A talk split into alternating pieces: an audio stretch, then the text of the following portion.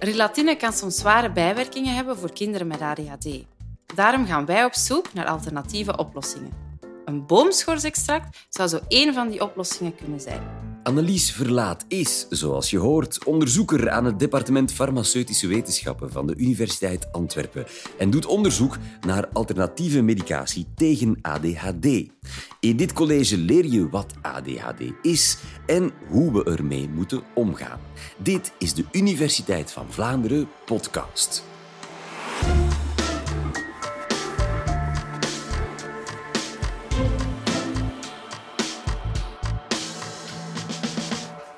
Kent je dat soort kinderen die nooit stilzitten? Sophie is zo iemand. In de klas friemelt ze de hele tijd en ze is enorm snel afgeleid. Een tijdje geleden kreeg ze de diagnose ADHD. Sophie zit nog in de lagere school, maar er zijn ook heel wat oudere kinderen en volwassenen met ADHD. En stel nu dat Sophie uw dochter was. Wat zou jij doen? Zou je niks doen?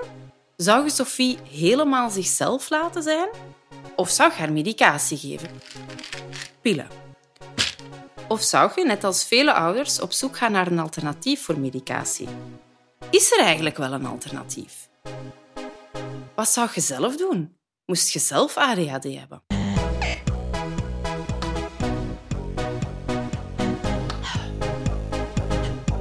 Oké, laten we beginnen bij het begin. Wat is ADHD?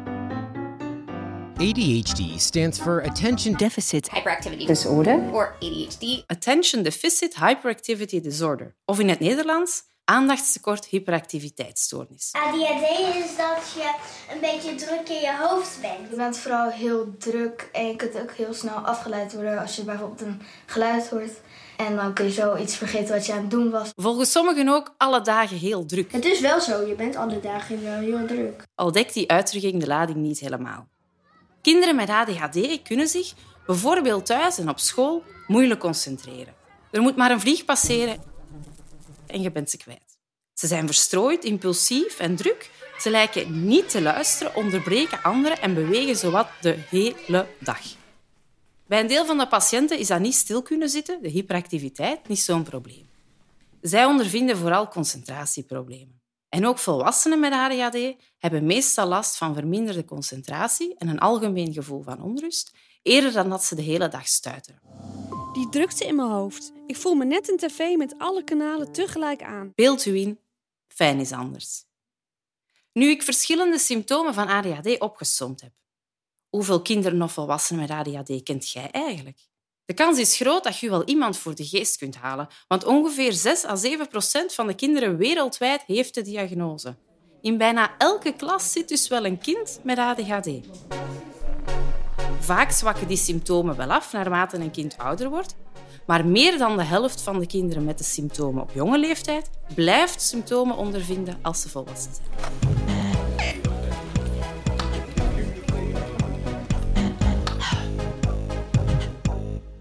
Komt ADHD dan nu vaker voor dan vroeger?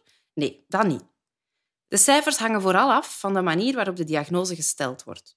Ideaal is een diagnose door een specialist, een psychiater of een neuroloog, op basis van verschillende bronnen, zoals een gesprek met de patiënt en zijn of haar ouders, leerkracht, eventueel een partner, maar ook psychologische tests en een fysiek onderzoek. Vroeger bestond ADHD ook, er werd gewoon veel minder aandacht aan besteed. We leven nu eenmaal in een maatschappij waarin een diploma en dus lang kunnen stilzitten, op school bijvoorbeeld, belangrijk zijn. Hoe ontstaan die kenmerkende ADHD-symptomen? Wel, typisch voor ADHD is verminderde activatie van bepaalde hersengebieden. Dat komt vooral door één stofje. Je hebt er misschien al van gehoord: dopamine.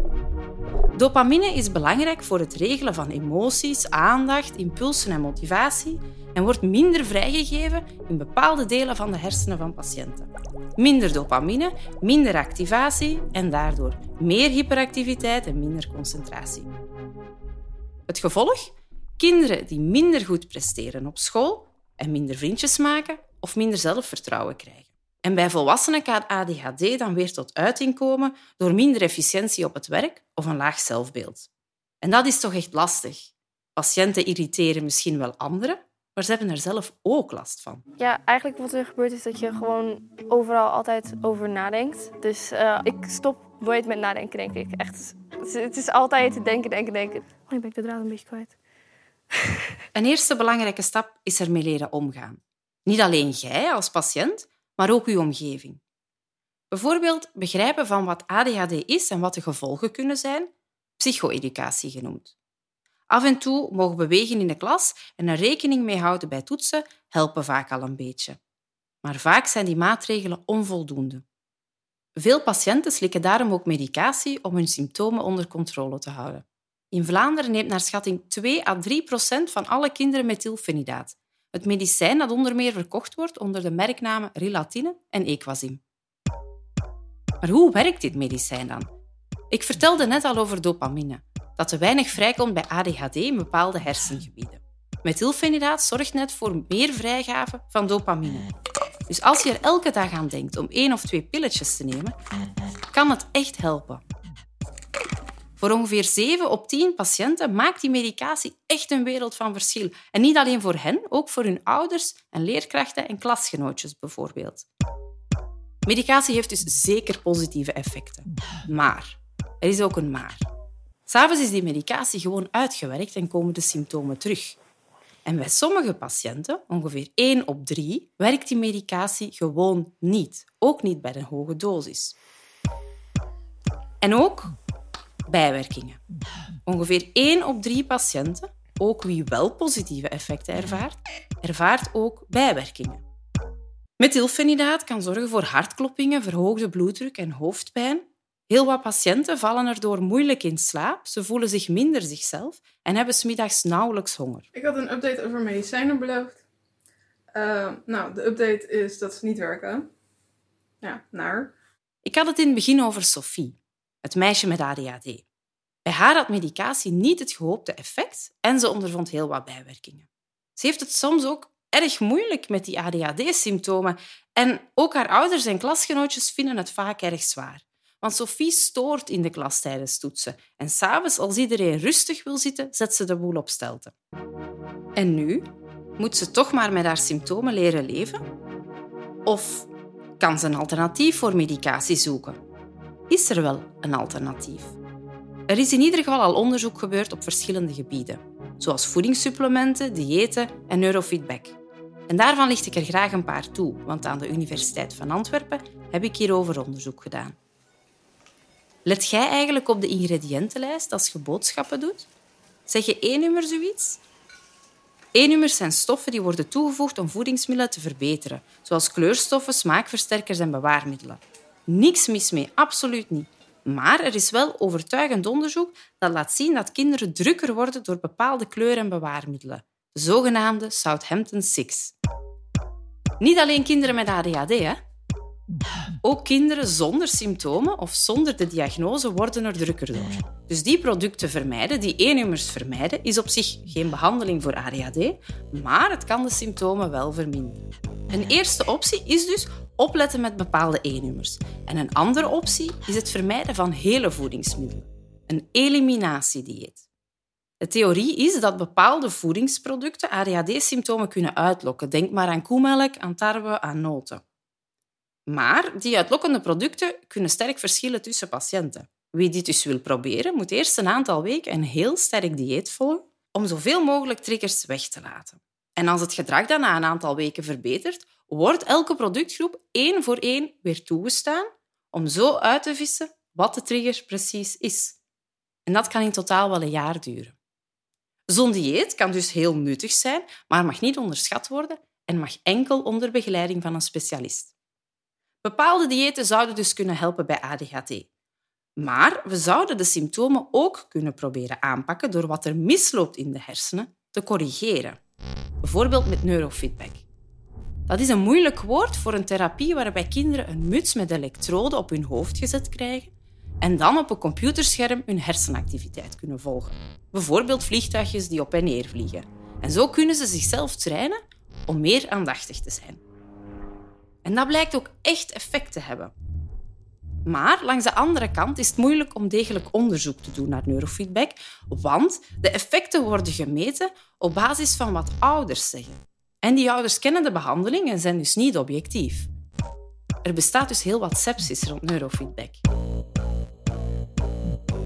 Behalve iets weglaten uit het dieet en neurofeedback, wil ik het ook nog graag hebben over een bepaald voedingssupplement. Iets toevoegen aan het dieet, dus in plaats van weglaten. Recent heb ik nog, samen met collega's van Labo Natura, een onderzoek afgerond naar de effecten van een voedingssupplement op basis van boomschors. En ik hoor u denken, boomschors? Moeten we kinderen met ADHD nu laten knabbelen aan bomen? Het klinkt vreemd, maar er zit een logica achter. Hoe zijn we daar dan bij gekomen? Wel, kinderen met ADHD die hebben vaker oorontsteking en allergie dan kinderen zonder ADHD. En dat wijst op een verstoring van het immuunsysteem. Bovendien hebben die patiënten vaak verhoogde oxidatieve stress. Het menselijk lichaam heeft zuurstof nodig om te overleven. Daarom ademen we.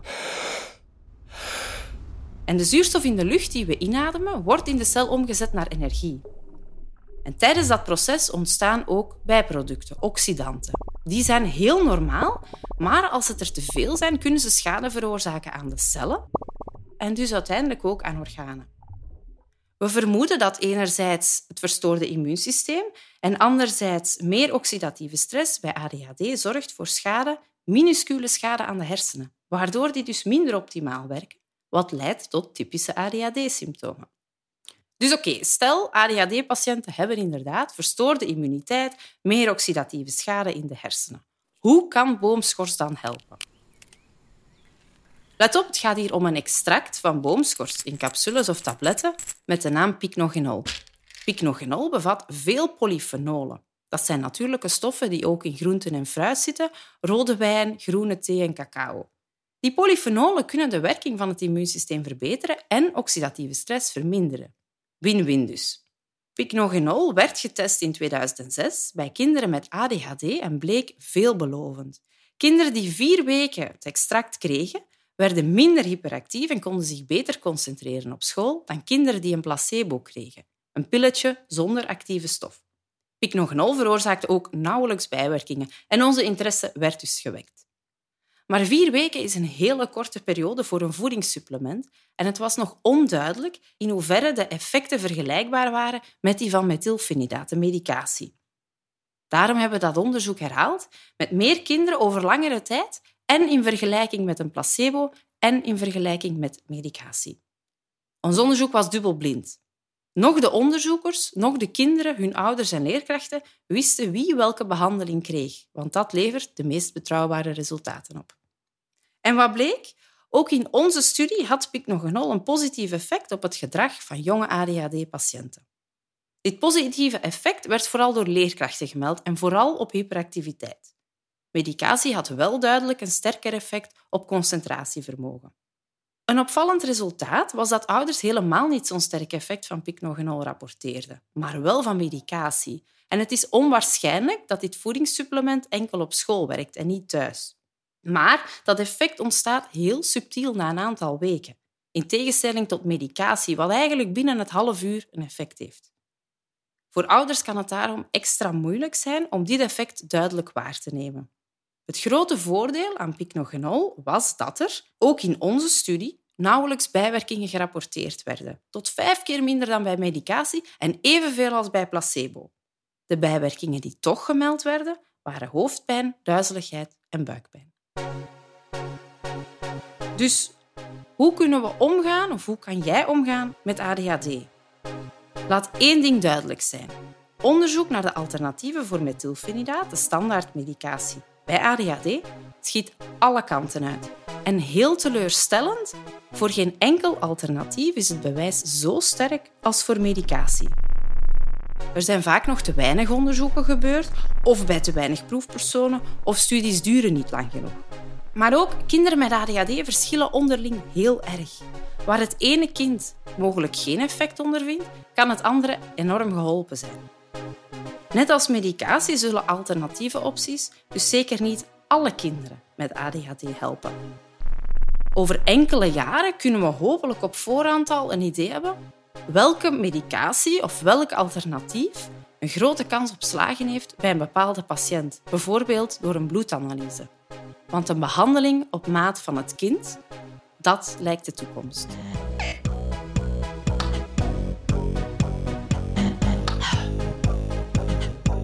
Dankjewel, Annelies. Ehm, we hebben nog vaak een clichébeeld hè, van ADHD. Ze doen zo druk. Is er nog meer sensibilisering nodig? Moeten we daar als, als bevolking gewoon nog beter in worden? Ja, ik denk sowieso is daar verbetering mogelijk. Er wordt gewoon meer gedaan alsof die kinderen of volwassenen eigenlijk irritant zijn, maar ze kunnen er ook zelf gewoon echt niet aan doen. Het is, het is echt een aandoening, het is een ziekte. Um, dus sowieso kan het voor hen veel aangenamer worden wanneer de maatschappij daar algemeen ook meer aandacht aan besteedt. Uh, Die mensen ook echt tijd geven of die mensen ook echt de ruimte geven om eens recht te staan, om eens te kunnen bewegen, om eens frisse neus te halen enzovoort. Wat antwoord jij aan mensen die uh, antwoorden, ja, ja, die ADHD, tegenwoordig heeft iedereen ADHD. Dat is een hype. Vroeger zouden ze gewoon gezegd hebben, wees eens wat minder druk. Ja, dan zeg ik inderdaad, ADHD bestond vroeger ook, maar vroeger moesten we tot ons veertien naar school. De witte, die ging wel uh, buiten spelen, maar die had inderdaad geen diploma. En een diploma is nu gewoon veel belangrijker, denk ik, dan toen. Wat me opviel, is dat het vaak gaat over ja, kinderen en ook volwassenen met ADHD kunnen bijvoorbeeld uh, niet lang genoeg stilzitten op school. Dat deed me denken, is het probleem dan eigenlijk niet de school? Dat het feit dat we daar moeten stilzitten. Als um, zoveel kinderen en volwassenen ADHD hebben, zou onze wereld dan niet beter ingericht moeten zijn voor mensen met ADHD? Als dat zou kunnen, zou dat ideaal zijn natuurlijk. Het, het hele systeem, de hele maatschappij is nu gewoon gericht op het, op het stilzitten, op het zittend leren, op het lang op kantoor zitten. Dus daar kan inderdaad daar kan verbetering um, zijn. We zouden er misschien allemaal beter van worden. Ja, klopt. Uh, het is alleen een hele switch in de maatschappij. Dus dat is ook niet iets van vandaag op morgen. En dan is een pil slikken, morgens en of s avonds, wel veel gemakkelijker. Ja, dan komen we bij, die, bij de alternatieven op de medicatie. Hoe veelbelovend is dat voedingssupplementen onderzoek nu? Want ik, ik, ik meen begrepen te hebben dat dit eigenlijk nog in zijn kinderschoenen staat, dat we nog veel meer zouden moeten weten. Hoe veelbelovend is dat? Het is veelbelovend in de zin dat er heel weinig bijwerkingen zijn. Dus op dat gebied um, is het zeker aan te raden voor iemand die geen methylfenidaat verdraagt of absoluut tegen de medicatie is. Langs de andere kant is er gewoon echt nog te weinig onderzoek gedaan naar effecten op, op lange termijn, hoewel we verwachten dat het heel veilig is. Maar ook naar bij wie werkt het? Uh, bij wie werkt het beter dan, dan bij wie niet? Bij wie beter, minder goed? Um, dus qua veiligheid zijn we daar allemaal wel vrij gerust in. Maar de echte effecten, placebo gecontroleerd en in vergelijking met medicatie, zijn vaak gewoon nog niet aangetoond. Dus het is een beetje trial and error voor de individuele patiënt. En waar de ene bijvoorbeeld echt wel heel positieve ervaringen heeft met een bepaald voedingssupplement, kan de andere ook echt geen enkel effect merken. Zijn er nog andere veelbelovende pistes in de, in de toekomst? Waar zou jij je geld nog verder op inzetten in dat ADHD-onderzoek? Ik denk dat het, um, het, het patiënt, patient-centered, het, het gerichte op de, de persoonlijke aanpak per patiënt, dat is het allerbelangrijkste. En dat kost ook heel veel geld, want dat betekent dat we misschien tien alternatieven of, of alternatieven en medicaties moeten gaan testen per patiënt. En dan zijn die bloedanalyses mogelijk heel interessant. Of kijken naar darmflora, want al wat er in de darmen leeft, heeft een link met de hersenen, maar ook wat we inslikken, medicatie of voedingssupplement, wordt verteerd in de darmen. Dus kan dan ook weer op basis van darmflora een ander effect hebben. Dus dat is zeker wel uh, toekomstmuziek. Dus jij zit voorlopig nog niet zonder werk. Klopt. Ik vraag dit ook voor alle luisterende ouders die Southampton Six waar zit dat precies allemaal in? Zodat we dat weten voor we dat aan onze kinderen geven en ze daar zot druk van worden. Vaak zit dat nog in snoepjes, maar gaat er ook meer en meer uit. Um, fabrikanten moeten het ook op de verpakking zetten. Dus uh, eigenlijk moet er op de verpakking staan, kan een um, activerend effect hebben op het gedrag van kinderen of zo. Het staat er ook echt op. Uh, vooral in het buitenland vinden we het vaker. Maar ik zou zeggen, let maar eens op de kleurstoffen apart eh, in de supermarkt. Ja, dankjewel voor die wijze tip, maar ook dankjewel voor de rest van uh, je uiteenzetting. Dankjewel, Annelies Verlaat. We hebben alvast ook nog één tip voor wie wat moeilijk kan stilzitten. Ga eens joggen of een wandelingetje maken terwijl je luistert naar deze podcast. Als je meteen ook abonneert, beluister je elke donderdag en zondag een nieuwe aflevering van de Universiteit van Vlaanderen podcast en leer je dus elke keer iets bij. Heel graag tot een volgende keer. Thank you.